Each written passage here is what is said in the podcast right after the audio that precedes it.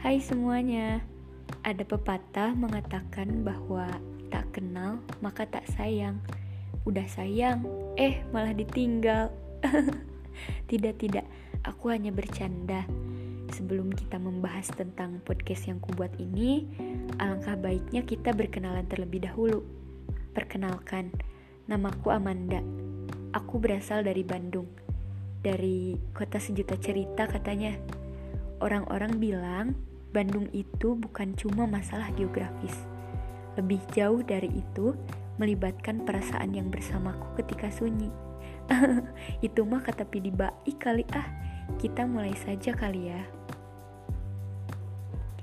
Ini adalah project podcastku yang pertama, di mana nantinya podcast ini akan berisi tentang sebuah perasaan, kehidupan, atau apa pun itu.